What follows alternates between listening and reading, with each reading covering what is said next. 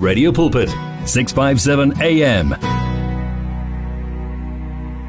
Singena ke esigabeni sasine ngalo mhlabelelo kamabongi mabaso ethi more of you lord. Yebo siyamdinga uJehova.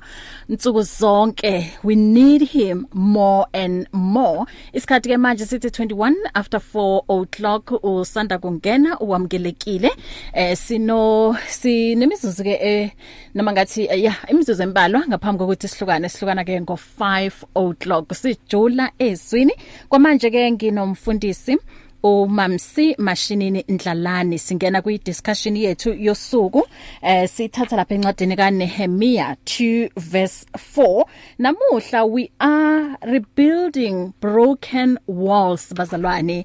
We are rebuilding or the broken walls. We are restoring the broken walls. Mhlawumbe umunye uyabuza ukuthi okay yebo njengoba sizoyikhuluma le ndaba sikwenza kanjani lokho? How to rebuild the walls? Um in your life. Ithike mina ngingayimoshi nginikeze umnikazi eh umfundisi uMamsim eh Ndlalani kuyena ke ozosindlalela yona. le ndaba ya mfundisi sawubona. Sawubona bahle sanibona nibalaleli igameni lenkosethu Jesu amen. Amen. Siyabonga ukuthi na kule ntambama eh siphinde sibe la sizokhuluma ke eh indaba ebalekile kulolu suku re, uh, rebuilding the broken wall. So today city we are rebuilding. Lokho okuwukuthi uyazi nje noma mhlawumbe umuntu endlula ubona nje idonga ukuthi hayi la hayi kuphelile eh angeke kuvuke la. So today sithi naloko ukuthi abantu balahlela ithawula bathi ngeke kusaphakama noma kuvuke futhi so sithi today we are rebuilding those oh, yes. broken walls. Oh yes. Mm.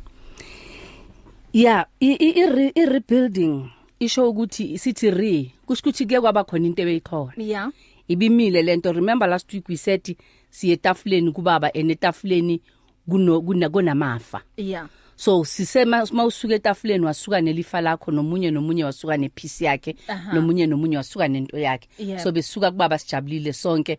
But uh, uh, along the way uthola ukuthi we don't have a way in which to sustain mm. lento esiyitholile. Yeah. Bese lento esiyitholile bese siyahamba endleleni bese iyasilahlekela mhm so manje seziwile le indonga sekufanele ukuthi ziphinde bese ziyabuyiselwa ziya rebuildiwe mm. so ngicela sifunde kuqala lapha kuNehemiah u chapter 2 u verse 4 and 5 mhm The king said to me what is it you want? Then I prayed to God of heaven. And I answered the king if it pleases the king and if your servant has found favor in his sight Let him send me to the city in Judah where my ancestors are buried so that I can rebuild it. So these are walls that had fallen, these are walls that were there before but now says will. Mm. So now because it says will sekudingeka ukuthi kube nomuntu. Osukayo othatha iaction ahambe ayozi rebuild. So singabantu sisiphethe konke uNkulunkulu asinikeze kona sesile kuNkulunkulu sesisindisiwe. Siyahamba endleleni silahlekelwe ukuthula. Siyahamba endleleni sibe depressed. Siyahamba endleleni siyaphila endleleni singabantu silahlekelwa ama relationships ethu. Mm. imshado yethu bese iyasilahlekela ama businesses ethu asilahlekele imisebenzi yethu bese above everything else amaphupho ethu our dreams yeah. ayasilahlekela mm. so sekusilahlekele konke and then siba sengathi singabantu aba useless mm. sesiba sesifola la ukuthiwa manje sesinama mental issues because so depressed so ngapha so ne stress mm. ugcina songasagezi nogeza vele because awusayazi into ofanele uyigezela awusayazi into ofanele uyibonele so uNehemiah uthe enkosini makukuhle kuwe ngivumele Yeah. So now he wants to take action. Uthi allow me to go and rebuild. Wow. So emabondeni onke kune kuneyitina mm. ezi different ezibekwe ngendlela e different ukuthi ibonda likwazi ukuthi lime. So empilweni yomuntu kuneyitina ezi different. Sineyitina ze depression sineyitina ze zama relationship are broken sineyitina zama financial problems mm. sineyitina ze poverty uyabona? So now kuba khona isitina esi1 mhlambe silahlekayo ngoba mabaloku bakha kukhona la kuthiwa khona kunezimbobo. So kufanele ukuthi akuwanga lonke udonga. Mm. kubgcwele nje izimbobo. So kusho ukuthi kukhona nje ukuphumile yeah. So kuba kanjalo nasempilweni zethu. Bese now fanele sicale sifune ukuthi before i rebuild the bible says wahamba waqala wayenza isurvey ebusuku bekaphuma a checka kahle abheka kahle ukuthi kuwe kanjani kuzolungiseka kanjani.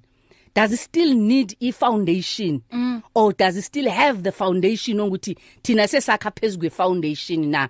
Because sometimes kuye ngoba i foundation mhlambe bengasi right bengagcinanga so if i foundation bengagcinanga kusheshe mm. crack ngaphezulu mm. bese kuyawo so beka inspectela lokho so that makafika ekseni akwazi ukuthi kulama bill but bengabatshela ukuthi benza ukuthi akwazi ukubatshe ukuthi yazini sengibonile ukuthi into ekufanele siyenze kule side lengapha i foundation was a bit crooked So we need to start from the foundation. Mm. But on this other side the walls are still there. It's only that kunama holes lapho nalapho nalapho which means i foundation is right isaqinile. Yeah.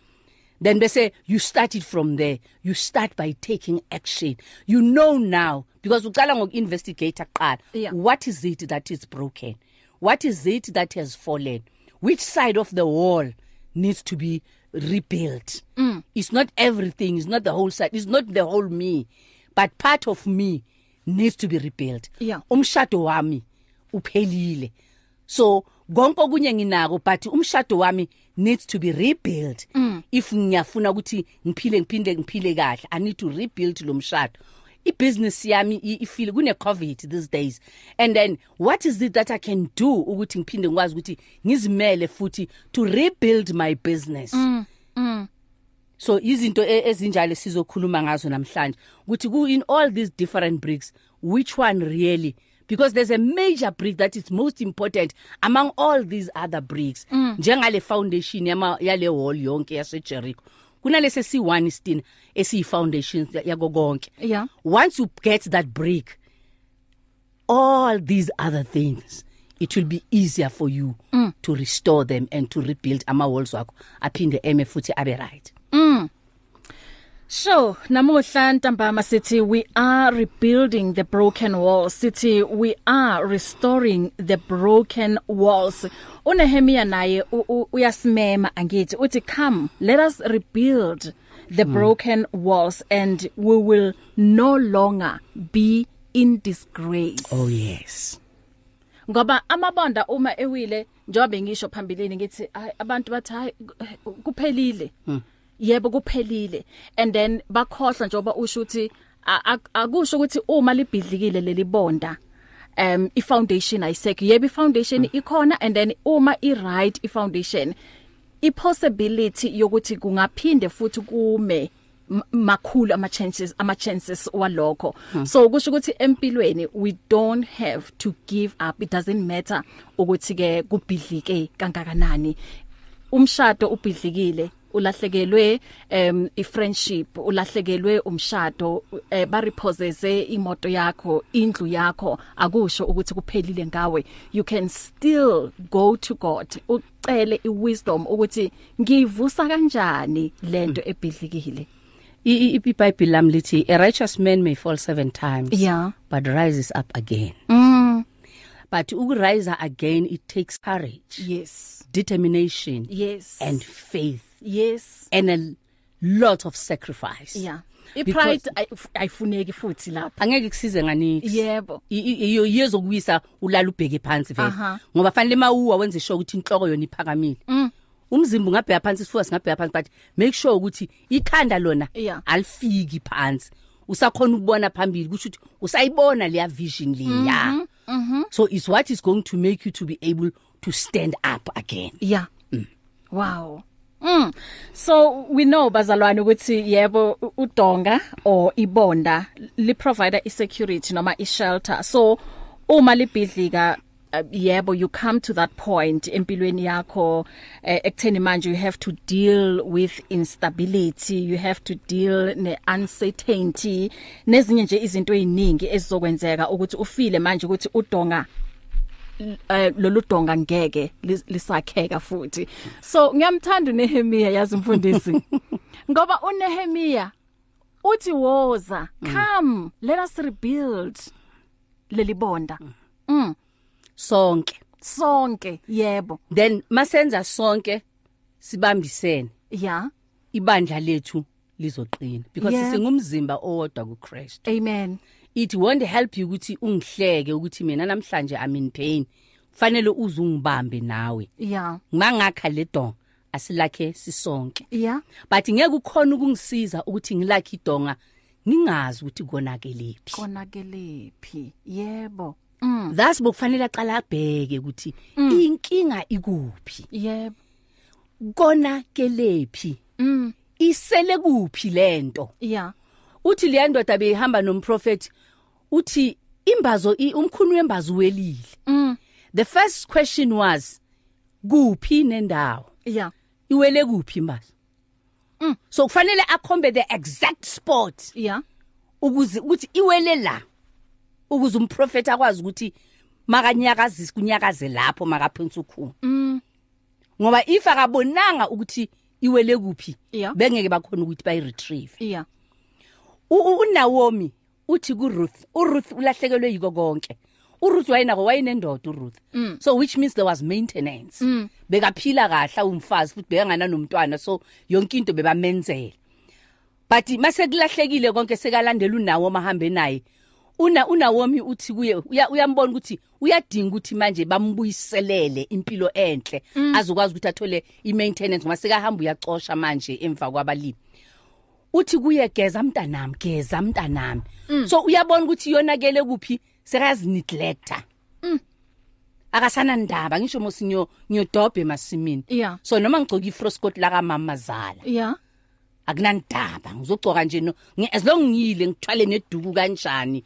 Awusageza awus- so ufaka amabhijama hamba nga futhi ngiyayinyanya lento leyo. Gqoka amabhijama namagawuni hamba ngawe stradini nama slippers phela lokho kungitshela ukuthi azange awandlulanga nasebhedi nasebe nasebhavini. Ayi. ukhapha umntwana uye esikolweni nangwena lapha ya konakelephi? Yebo. Uyambona unawo ukuthi no akasagezi. Mm. Nobowazi angeke ambone. Sure uthi ke ku Ruth 3 verse 3 mntanami?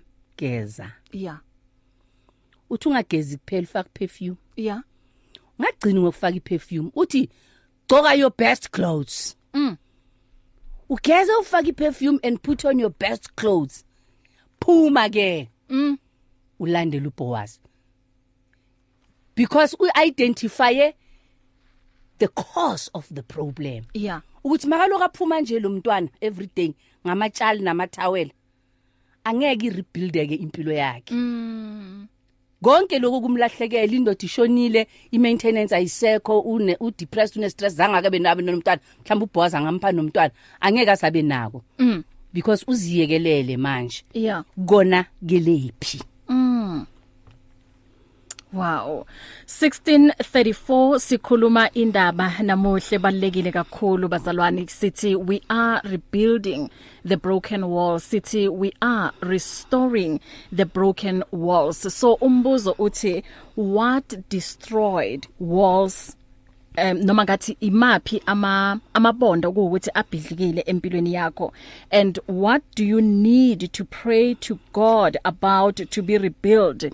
Come mzalwane let us rebuild the wall through the power of the holy spirit. So as asixoxeni le ndaba singathanda ukuzwa uvo lwakho. Um noma ke uma uthanda m- mhlawumbe unombuzo um ukuthi hey mina uyazi kuye kwenzeka lokhu nalokhu nalokhu kodwa ngiyahluleka ukuthi ngiphinde futhi ngakhe noma kube khona nje impumela im, im, impumelelo empilweni yami. 1634 0123341322 0123338699 ngikanyeke nomfundisi umamsi Ndlalani siqoxa le ndaba. Ethi ke sindlule ngala eh, uma sibuya siloku nje siqhubekile siyikhuluma le ndaba. Neincingo ke ngivulele 082 neWhatsApp nayo. Ungayisebenzisa uthumele ivoice note noma ke utext ku 37871 You're at 657 AM radio carrying 24 hours a day. 657 AM If you need prayer please send your request to prayer@radiopulpit.co.za or WhatsApp 067 429 7564 or go to Radio Pulpit website on www.radiopulpit.co.za. Siyakumema ke kulentambama sikanye no Nehemia sithi come let us rebuild the broken walls. Come let us restore the broken walls. 0123341322 usamoyeni sawubona. Sisi Eh wemfundisi hey mandibulise kumfundisi wami molo mfundisi. Ha nakubaphula phulike kaKristu igama. Hey Amen. Sibahle. Yebo baba. Niyasi niyasisebenzisa ke bona nje. Hey Mm. u u- uthi ke ngoku make si sijonge sibahle ukuthi i- intoni le inokuba nokubangela mm. nawo?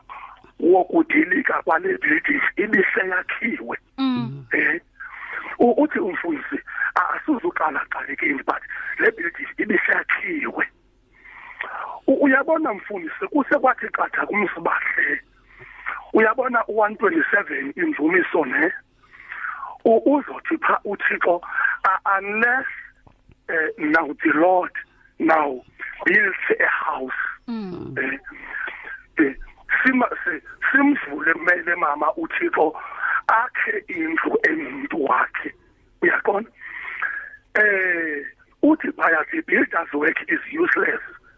Eh Nga- ngamanye amagama sibahle mfundisi wami uhleli istena esinye esathi umfundisi wami so very very very much important. Eh so isitena sibahle esingumoya oyingcwele. Mm. Asithi ke nokuba ngumoya oyingcwele akayomayina mm. Hmm? mm. So uyi-nerve center now of building the broken wall. Mm. Hmm? so kuyi-center stage nga- ngamanye amagama once sibahle umoya oyingcwele angabikho la license disc surely there will be no love. Mm mm eh? mm. Yeah.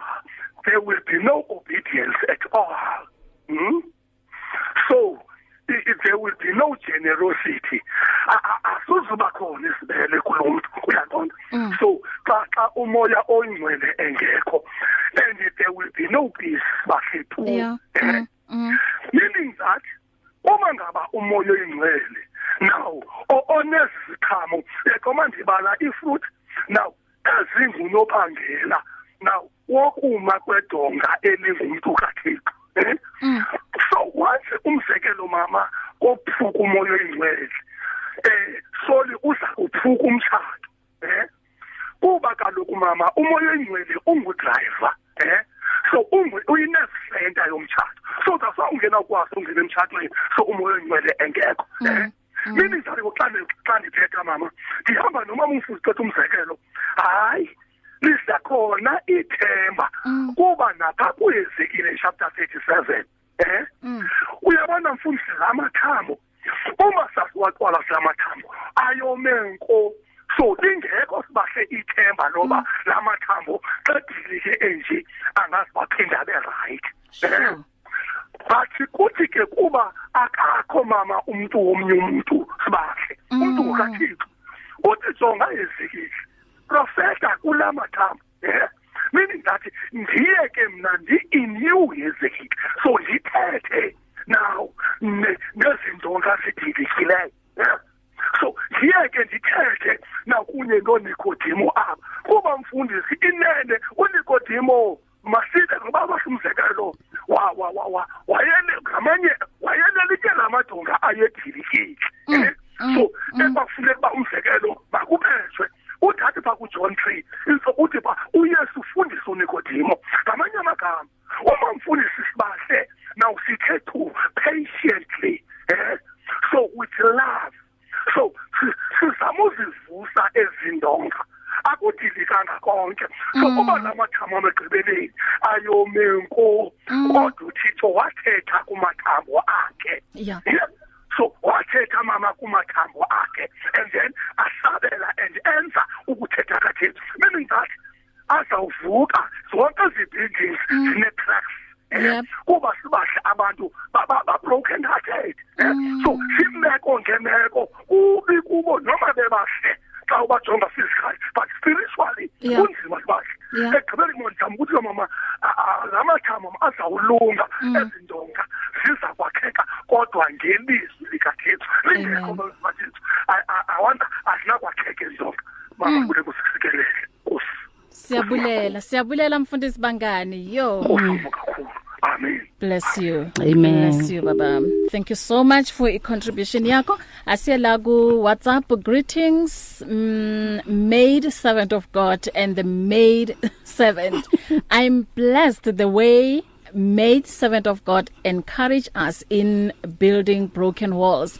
You know it reminds me of the scripture which says unless the lord builds a house those who are building it um are building it in vain which means it is important not to lean on our own knowledge but we must trust in the Lord with all our hearts because every step of the righteous is guided by the Lord.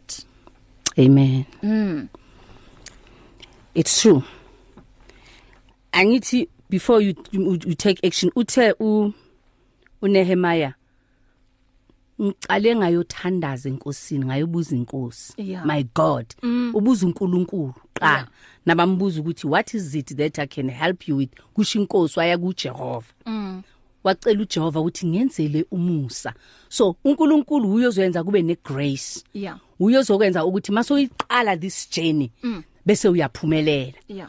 Ngoba on this journey that's why masaka yenkosini sakathola ifavor uthi noma cela ama letter ukuthi ngiphephela ama permission ukuthi ngihambe ngibanika yonke indawo ngikwazi ukudlula nje ngingavinjwa. Uyakwazi ukuthola ama permission then uyafika sithe mawusuka ku action uya kwi position Yeah. sekayazi manje the root cause la okonakele khona ngempela sekayazi what's next mm. then the next thing now is to choose the right break mm.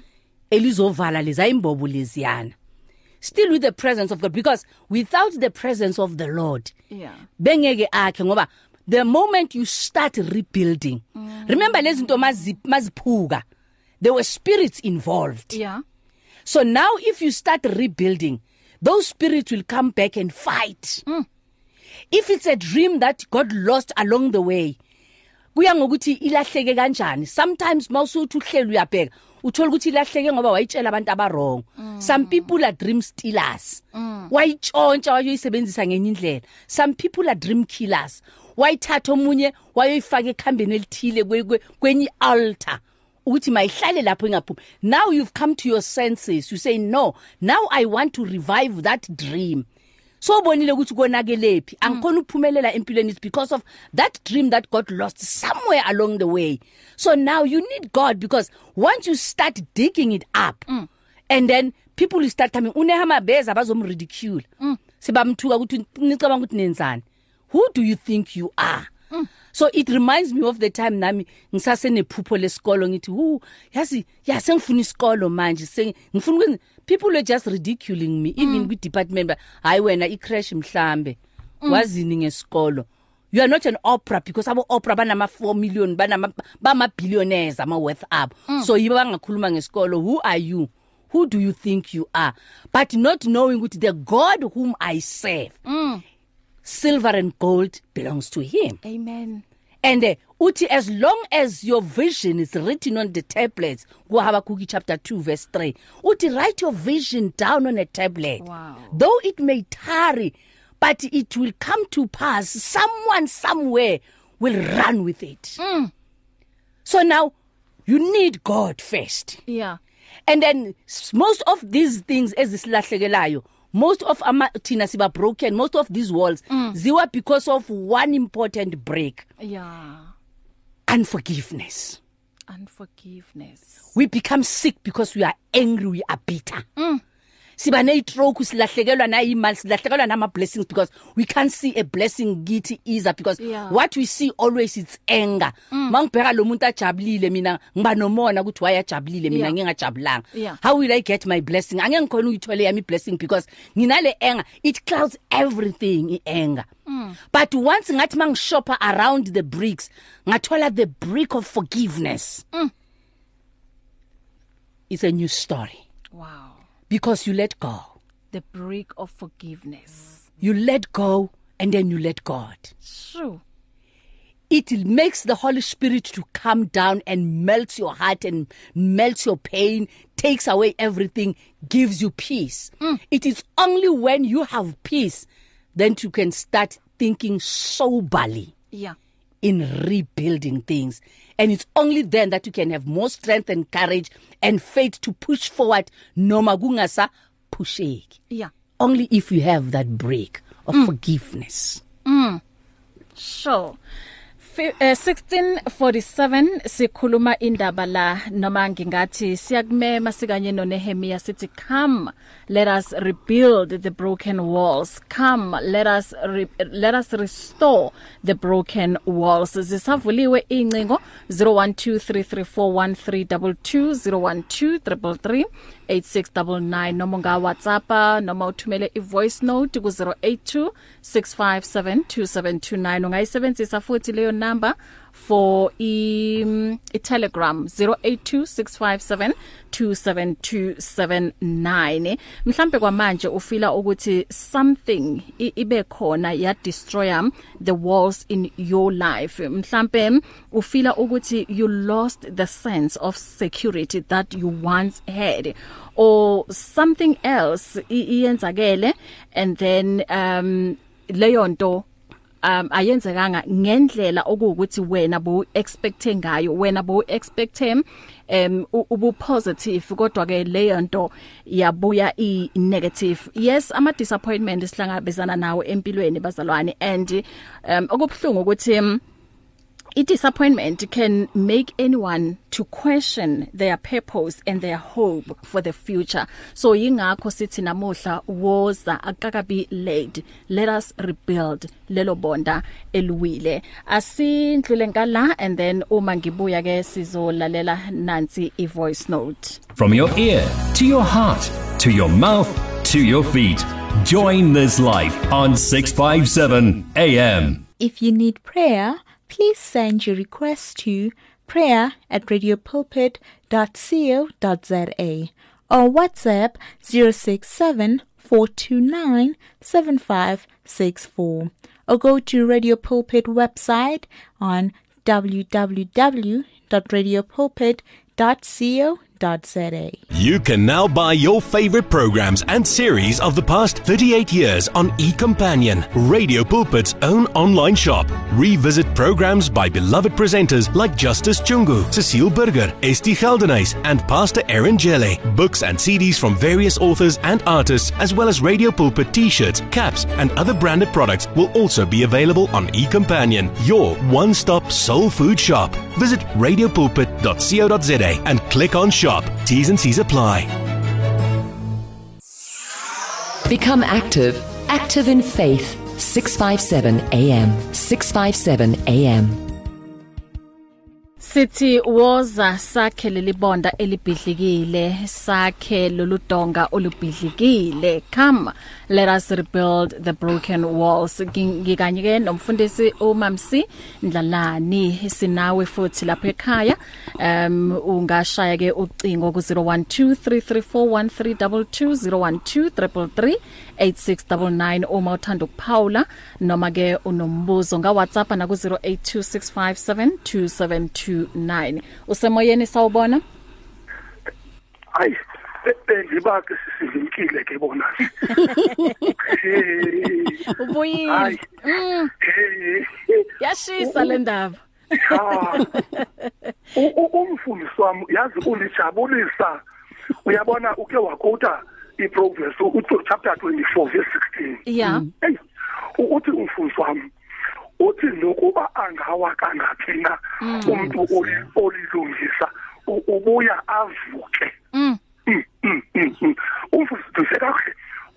Uthetha into enkonzo bakho siyami ngasabantu ibe uthi apha uthixo nokuba lingawa kangaphi? Mm. Ilungisa.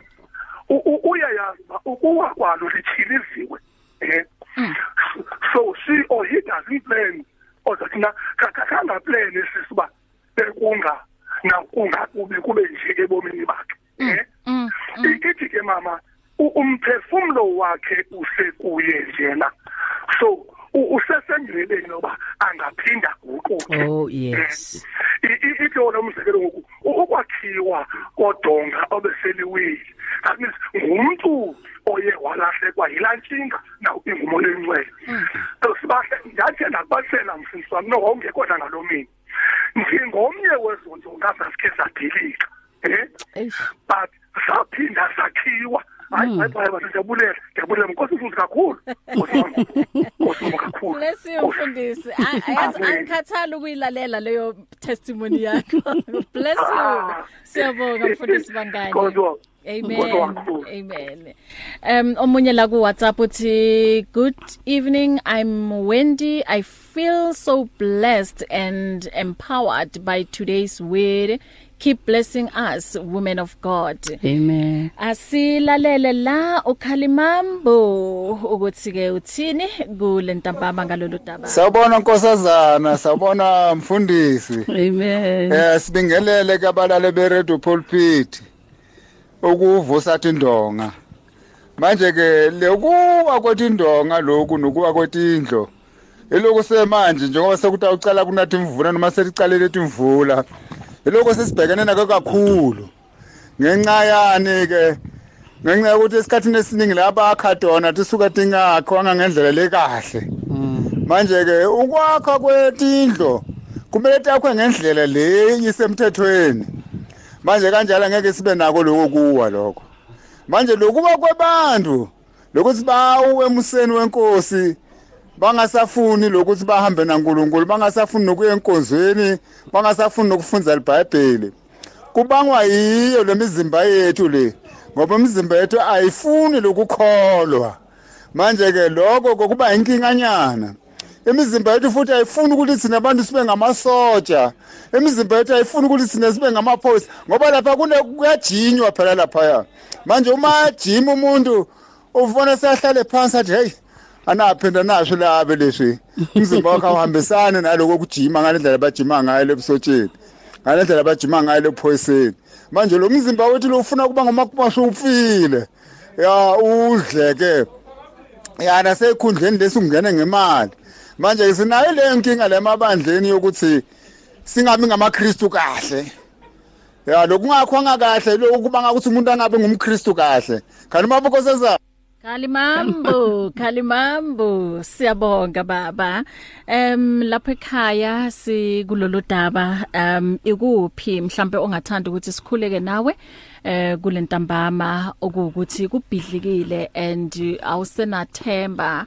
Yazi ugive upile noma uvuka nje ekseni uyavuka wenza lokho kwenzayo kodwa ithemba nje selishabalele. Awuboni nje kuba khona impumelelo awuboni nje leli bonda liphinda futhi livuka. 0123341322 0123338699 sina plus minus 4 minutes. So in 4 minutes siyayivala incingo ungamsebenzisa ke lo 2 minutes esisenayo lo 3 minutes or lo 4 minutes. Um angiphinde ngibuyele lapha elayinini sawubona. Yebo sanibona kahle. sawubona ma Eh ukhuluma nomamko la esekufunda. Oh Amen. siyakwamukela ma.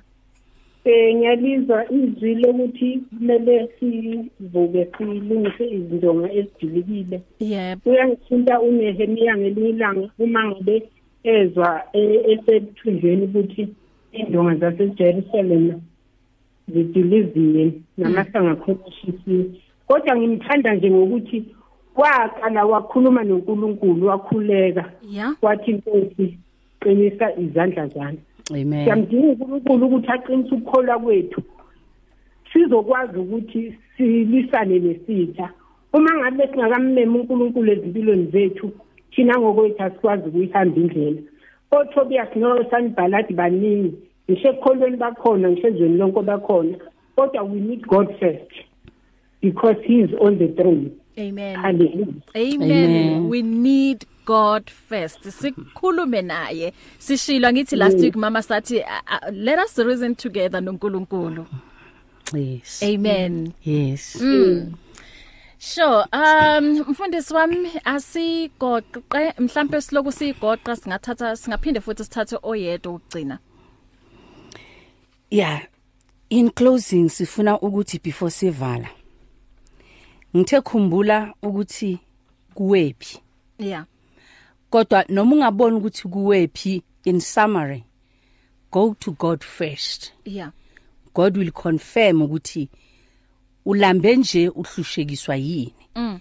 kunalento engake kulandelayo engafuni ukusuka mhlambe there's a generational curse. Mm. mhlambe ekhaya bake banithatha nonke banifaka eh, kwi-altar elithize bake banibeka lapho banigcaba igazi lenu lahlala kulo altar leyo Mm.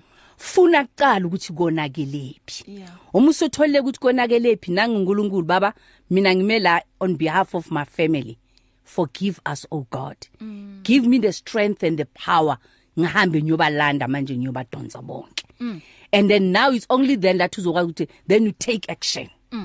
I-action uyithathela ekutheni uzofaka that that full armor of god because now you are entering into a battlefield Mm. Uyolwa manje uyolwa ukuthi ubuyisele leza zinto lezani because bahlangana nabantu bebe ridicule angeke uyimele iridicule ukuthukwa ukuhlekwa yemuvu nehama uthi asakhele ukuthi singasahlekwa singasabi embarrassed futhi singasabi Yeah. ihlazo Mm. so ukuthi kusuke lehlazo leli i must be strong to be able to stand against ihlazo nokuthuka nazo zo- nawo wonke amatshe bazongiphonsa ngawo abantu Mm. but ucabanga ukuthi wenzani and kubhlungu kangakanani you can give up endleleni. Yeah. but if you have invited God and the Holy Spirit then you'll be able to stand. Then choose the position choose the right break. Mawuceda kuko konke after they've built the walls they dedicated the walls to God. Mm. so sengiwakhile lezi ndonga ngizakhile futhi angizinike manje umnikazi wazo. Ukuthi azigade. But bebenzela for iprotection ukuthi fanele zigadiwe njalo lezi ndonga ukuthi bangasaphinde futhi ba angeke sikhona ukuzigada thina. Mm. but uNkulunkulu can send angels ukuthi bagade whatever that is happening to us akwazi ukuthi asigade. Mercy can be around us at all times.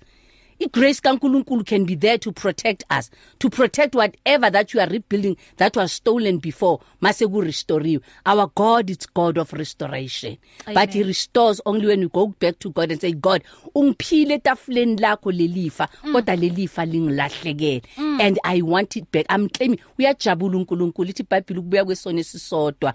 Esisodwa nje banenhlokomo ezulwini. Dedicate whatever you have rebuilt to god. Then walk with god. Walk with God. Hey uyazi ukhulume ngale ngale ngale brick le e- ebalekile the brick of forgiveness. Mm uyiqedile mfundisi. Asivale ngale WhatsApp number ngale WhatsApp message.